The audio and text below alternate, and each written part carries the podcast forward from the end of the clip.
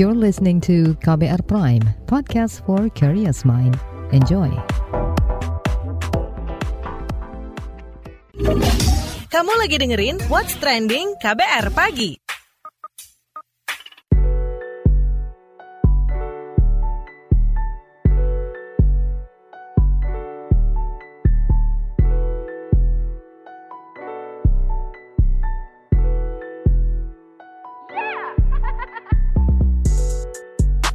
KBR Pagi, siaran pagi radio paling update. Selamat pagi, apa kabar Anda hari ini di hari Kamis 9 Juni 2022? Kembali lagi saya Don Brady menjadi teman pagi hari Anda di What's Trending KBR Pagi pastinya. Jadi Kementerian Perdagangan membuat program minyak goreng curah rakyat atau MGCR untuk menyediakan minyak goreng curah kepada masyarakat sesuai dengan HET yaitu Rp14.000 per liter atau 15.500 per kilogram. Nah, program ini pun memanfaatkan aplikasi digital untuk penyalurannya. Menteri Perdagangan Muhammad Lutfi mengklaim program ini disiapkan untuk menstabilkan harga minyak goreng. Gimana nih menurut kalian beli minyak goreng curah lewat aplikasi? Program minyak goreng curah rakyat itu direncanakan menggunakan sistem distribusi closed loop. Sistem ini akan bergerak mulai dari penyediaan bahan baku, crude palm oil atau CPO, distribusi minyak goreng hingga ke tingkat konsumen atau masyarakat. Lutfi mengklaim program berbasis teknologinya ini akan mampu meratakan distribusi minyak goreng curah kepada masyarakat miskin di daerah-daerah. Meski saat ini baru ada 10.000 pengecer di 10.000 titik, Kementerian Perdagangan mengaku akan meningkatkan jumlah pengecer menjadi 30.000. Hal ini dilakukan untuk mengejar target distribusi di seluruh Indonesia dan memastikan masyarakat mudah mendapatkan minyak goreng curah. Pemerintah bikin program minyak goreng curah berbasis digital. Itu yang kita obrolin pagi ini. Kita dengerin dulu yuk. Gimana nih komentar dari netizen plus 62 berikut ini.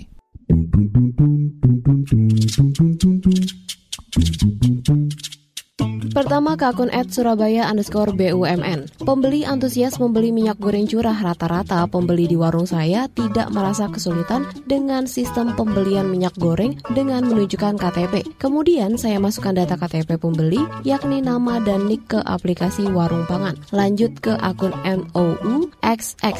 Pemerintah bakal gunakan aplikasi Peduli Lindungi untuk awasi distribusi minyak goreng. Akun at Mancu XX, program minyak goreng curah rakyat seluruhnya berbasis digital dengan hashtag dukung Mendak Lutfi. Akun at DJ Restu XX cuma di Indonesia yang hobi pemerintahnya bikin sulit dan sengsara rakyatnya sendiri. Besok siap-siap beli gas 3 kg, minyak goreng, beras, garam, semuanya pakai aplikasi. Ribet seribet-ribetnya. Akun at Nada XX karena minyak goreng masih mahal makannya cukup roti saja. Akun at Suka 2XX kami hanya butuh turunkan harga minyak goreng goreng sampai detik ini pun belum turun-turun juga. Padahal harga sawit sudah anjlok, kok masih dijual mahal? Saya emak-emak di dapur telah merasakan imbasnya. Sedangkan akun at BUMN Bandung, holding pangan ID Food Group meluncurkan platform digital aplikasi warung pangan untuk kemudahan pedagang, pengecer, dan konsumen dalam menjual dan membeli minyak goreng curah dan murah seharga Rp14.000 per liter sesuai ketetapan pemerintah. Akun at Aisyah XX Program minyak goreng curah masyarakat MGCM yang digagas Mendak Lutfi ini memanfaatkan teknologi dan berbasis digital. Keren ya guys, dengan hashtag dukung Mendak Lutfi, akun at XX, TNI Polri berhasil mengungkap oknum pedagang yang menjual minyak goreng curah di atas harga eceran tertinggi. Nah, yang terakhir akun at penyair XX, pengawasan ketat dibutuhkan agar tidak ada harga minyak goreng curah dan kemasan yang harganya jauh dari HET. Sebab, seperti diketahui bersama, biarpun stok melimpah di pasar dalam negeri, harga minyak goreng masih mahal. What's Trending KBR Pagi. Balik lagi di What's Trending KBR Pagi, kita lanjutkan obrolan kita pagi ini. Jadi Menteri Perdagangan Muhammad Lutfi mengatakan program minyak goreng curah rakyat dapat dipantau secara real time. Sehingga hambatan dan ketersediaan minyak goreng itu bisa diawasi. Hingga saat ini Kementerian Perdagangan mencatat ada 10.000 pengecer minyak goreng di 10.000 titik yang telah ditetapkan untuk program berbasis teknologi ini. Berikut keterangan Menteri Perdagangan saat rapat kerja bersama Komisi 6 DPR RI selasa lalu. Dalam upaya stabilisasi harga minyak goreng, Kementerian Perdagangan meluncurkan program minyak goreng curah rakyat uh, untuk menyediakan minyak goreng curah kepada masyarakat sesuai dengan HET yaitu 14.000 per liternya atau 15.500 per kilogram. Program MGCR melibatkan produsen CPO, produsen minyak goreng, pelaku usaha jasa logistik dan eceran atau PUJLE, dan distributor serta pengecer. Program ini bertujuan untuk optimalisasi distribusi minyak goreng curah di seluruh wilayah Indonesia sesuai HET dengan menggunakan aplikasi digital dengan target pendistribusian minyak goreng di 10 ribu titik jual ditentukan secara proporsional sesuai dengan pokok pengaturan minyak goreng curah rakyat yang ada dalam Permendak 33 tahun 2022, maka produsen CPO wajib mendistribusikan minyak goreng curah kepada produsen migor sesuai ketentuan DMO dan DPO.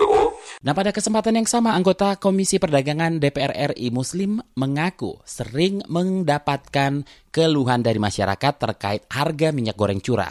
Sebab hingga saat ini harga minyak goreng masih mahal. Dia meminta pemerintah untuk benar-benar menstabilkan harga minyak goreng. Ini dia anggota Komisi 6 DPR RI Muslim. Sampai hari ini di lapangan kan ini harga minyak goreng ini masih mahal. Jadi kita berharap ini di sini saya lihat di sini penetapan harga dalam negeri aja ini minyak goreng curah tuh masih di 12.000 khusus si produsen sekitar 10.800. Artinya apa? Nah, ini sampai kapan ini? Tadi saya lihat Pak Menek BUMN juga belum menyampaikan ada beberapa titik sudah mulai harga sudah turun. Kami hari-hari dikeluhkan ibu-ibu nih. Satu sisi Pak Presiden mengatakan ini sudah stabil, tapi kenyataan di lapangan ini berkaitan minyak goreng ini sampai hari ini belum betul-betul dirasakan harga yang layak dikonsumsi oleh masyarakat.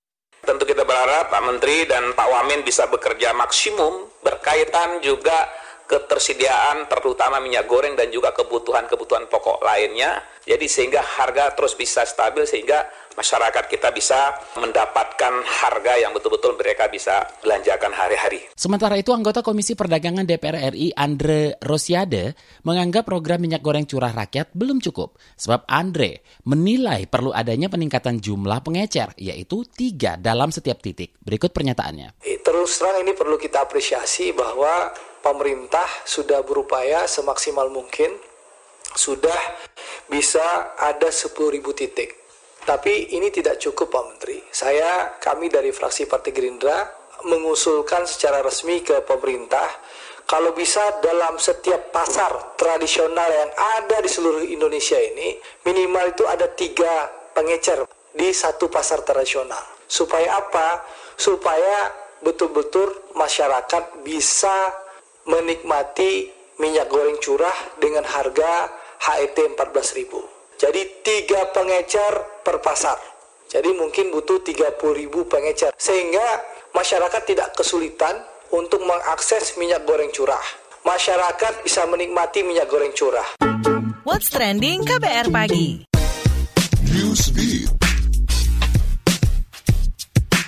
Negara-negara G20 sepakat membentuk dana cadangan yaitu Financial Intermediate Fund bagi pandemi di masa depan. Dana ini nantinya diperuntukkan untuk mengatasi dan mengantisipasi terjadinya pandemi. Menteri Kesehatan Indonesia Budi Gunadi Sadikin mengatakan dana ini akan digunakan untuk akses vaksin, obat hingga alat pengetesan. Meski bersyukur akan komitmen negara-negara G20 ini, Budi membeberkan hingga saat ini masih ada perdebatan bagaimana dan siapa yang akan mengelola dana tersebut tersebut.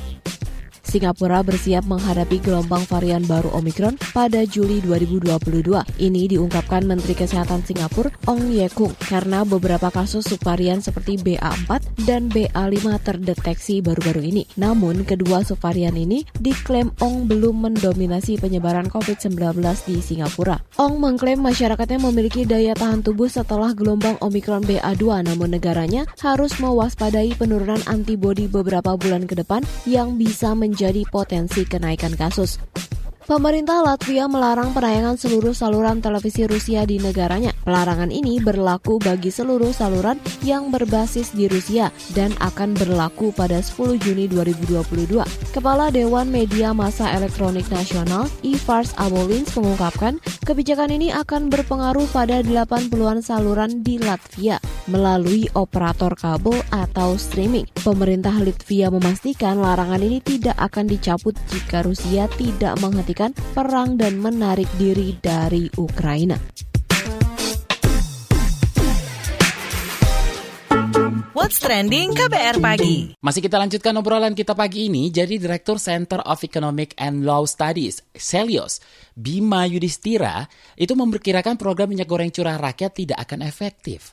Sebab akses internet di Indonesia belum merata dan program ini dinilai akan menyulitkan masyarakat miskin. Seperti apa? Kita tanyakan langsung ke Direktur Center of Economics and Law Studies, Bima Yudhistira. Bagaimana nih Pak, Anda melihat program minyak goreng curah rakyat? Ya, yang jelas ini merupakan program yang sebenarnya justru menyulitkan pembeli ya. Ini lebih sulit daripada mengikuti pemilu kan. Eh, bukan hanya nunjukin KTP, tapi juga harus download ya. Download aplikasi, kemudian juga akan ada kesulitan bagi para penjual eceran terutama untuk melakukan verifikasi. Padahal sasaran minyak goreng curah ini adalah konsumen kelas menengah bawah banyak anggota keluarga miskin, rumah tangga miskin, kemudian juga pelaku usaha informal UMKM. Jadi kalau membeli minyak goreng curah harus menggunakan aplikasi, tentu ini tidak menyelesaikan persoalan. Apalagi jumlah distribusi minyak goreng curah pun juga dibatasi untuk yang minyak goreng rakyat ini. Jadi sebaiknya kalau ingin membuat lebih tepat sasaran, bukan dengan jalan minyak goreng curah pembeliannya harus aplikasi, tetapi bisa misalnya keterlibatan perum bulog untuk melakukan intervensi di rantai distribusi. Atau kemudian yang kedua adalah mensinkronkan data terpadu kesejahteraan sosial ataupun data UMKM sehingga yang membeli minyak goreng memang mereka yang betul-betul membutuhkan. Nah selama ini sinkronisasi data tidak terjadi sehingga ada usul mau pakai aplikasi, menggunakan peduli lindungi, itu menurut saya berlebihan. Karena masyarakat miskin dan pelaku usaha sektor informal, masalah utamanya adalah akses internet yang belum merata dan masih uh, relatif belum terjangkau. Itu yang mungkin jadi pertimbangan. Karena kan mereka punya gadget pun belum tentu memiliki kemampuan untuk mengisi paket datanya. Jadi ini menyulitkan ya sekali lagi sebaiknya pemerintah mengkaji ulang kebijakan pembelian minyak goreng rakyat ini dengan aplikasi. Nah, mampu nggak sih program ini menstabilkan harga? Sebenarnya eh, nanti akan ada dua versi. Yang pertama adalah minyak goreng curah pasaran, di mana harganya sekarang 18.200-an per liter, dan minyak goreng program minyak goreng rakyat yang ingin ditekan ke HET 14.000. Nah, yang terjadi kan masyarakat akan memilih yang minyak goreng rakyat yang 14.000. Nah, sementara berapa pasokannya? Jadi masih mungkin pasokan akan dibatasi. Dan untuk yang menjual di atas HET atau minyak goreng bukan program pemerintah, ini yang akhirnya menimbulkan ketakutan dari para pedagang karena mereka disidak, mereka kemudian diawasi di pasar-pasar tradisional, Padahal mereka membeli dari agen harganya memang sudah di atas harga eceran tertinggi. Program ini kan diperuntukkan untuk masyarakat yang nggak mampu, tapi menggunakan aplikasi digital. Kira-kira bakal bisa merata nggak? Seberapa luas jangkauannya? Ya, yang jelas masyarakat mungkin lebih fokus ke urban ya, di mana jaringan internetnya jauh lebih baik. Sementara masyarakat yang di luar Pulau Jawa tidak mendapatkan fasilitas yang sama. Itu problemnya. Kemudian memang titik distribusinya kan masih sedikit kalau tidak salah ada sekitar 10 ribuan titik distribusi ya untuk minyak goreng ke rakyat ini. Jadi ini hanya solusi parsial dalam menurunkan harga minyak goreng curah. Apa aja sih hambatan penggunaan aplikasi digital untuk penyaluran ini? Ya, hambatan lainnya adalah masalahnya dia memverifikasi data dengan siapa. Itu data yang disebut data orang yang betul-betul membutuhkan minyak goreng curah, sasarannya itu siapa sebenarnya kalau tidak ada sinkronisasi data sebelumnya dengan data terpadu kesejahteraan sosial ataupun data misalnya penerima bansos PKH atau data penerima bantuan-bantuan UMKM. Jadi yang berhak nantinya akan dipersulit untuk membeli minyak goreng curah program rakyat ini. Oke, mampu nggak sih ini jadi solusi jangka panjang? Rekomendasinya gimana? Ya, eh, yang harus dilakukan ya, ini bukan solusi jangka panjang. Yang harusnya dilakukan adalah pemerintah harus intervensi dari rantai distribusi, mulai dari pembelian dari pabrik minyak goreng sampai mengedarkan ke pasar tradisional, itu harus diambil alih oleh pemerintah. Jadi ketika mekanisme pasarnya gagal, terjadi penyelewengan di berbagai tempat, pemerintah harus masuk untuk melakukan intervensi. Yang poin kedua adalah kalau pemerintah ingin menggunakan aplikasi, maka aplikasi itu bukan untuk masyarakat. Tapi aplikasi atau teknologi agar transparan itu justru dikenakan kepada pengusaha-pengusaha sawit dan pabrik minyak goreng. Karena selama ini menjadi teka-teki siapa yang menahan pasokan dan siapa yang meningkatkan margin tinggi sehingga harga sulit mencapai harga eceran tertinggi. Terima kasih Direktur Center of Economics and Law Studies, Bima Yudhistira. What's trending KBR pagi? Commercial break.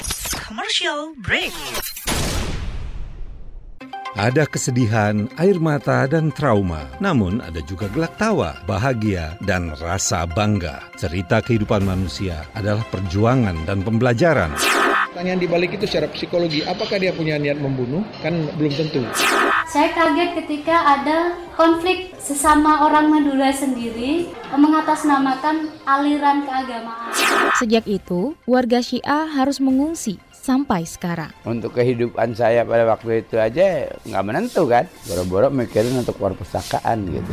Saga, cerita tentang nama, peristiwa, dan fakta. Liputan khas KBR ini telah memenangkan berbagai penghargaan nasional dan internasional. Anda sedang mendengarkan program Saga Produksi KBR. Simak di program Buletin Pagi pukul 6 waktu Indonesia Barat, Buletin Sore pukul 16 waktu Indonesia Barat, dan KBR Pagi pukul 7 waktu Indonesia Barat. Dengarkan Saga di radio jaringan KBR di Nusantara atau streaming di kbr.id. Saga juga hadir dalam bentuk podcast di kbrprime.id. KBR Inspiratif Terpercaya. What's Trending KBR Pagi.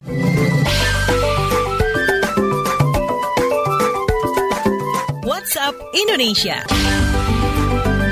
WhatsApp Indonesia dimulai dari Jakarta. Kementerian Perdagangan menyebut jurus untuk menyediakan minyak goreng curah kepada masyarakat sesuai dengan HET, yaitu Rp14.000 per liter atau Rp15.500 per kilogram dengan meluncurkan program minyak goreng curah rakyat atau MGCR. Menteri Perdagangan atau Mendak Muhammad Lutfi memaparkan hal tersebut saat rapat kerja bersama Komisi 6 DPR RI kemarin. Lutfi menyebut ini adalah strategi yang telah disiapkan pemerintah untuk stabilisasi harga minyak goreng curah.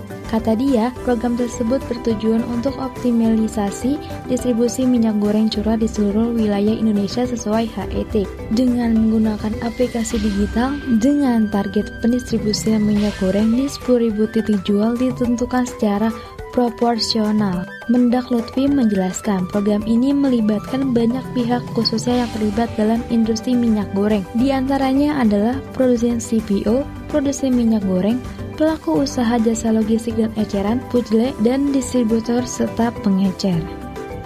Masih dari Jakarta, Badan Pembinaan Ideologi Pancasila BPIP akan memanfaatkan teknologi digital untuk melanjutkan sosialisasi Pancasila ke masyarakat generasi milenial.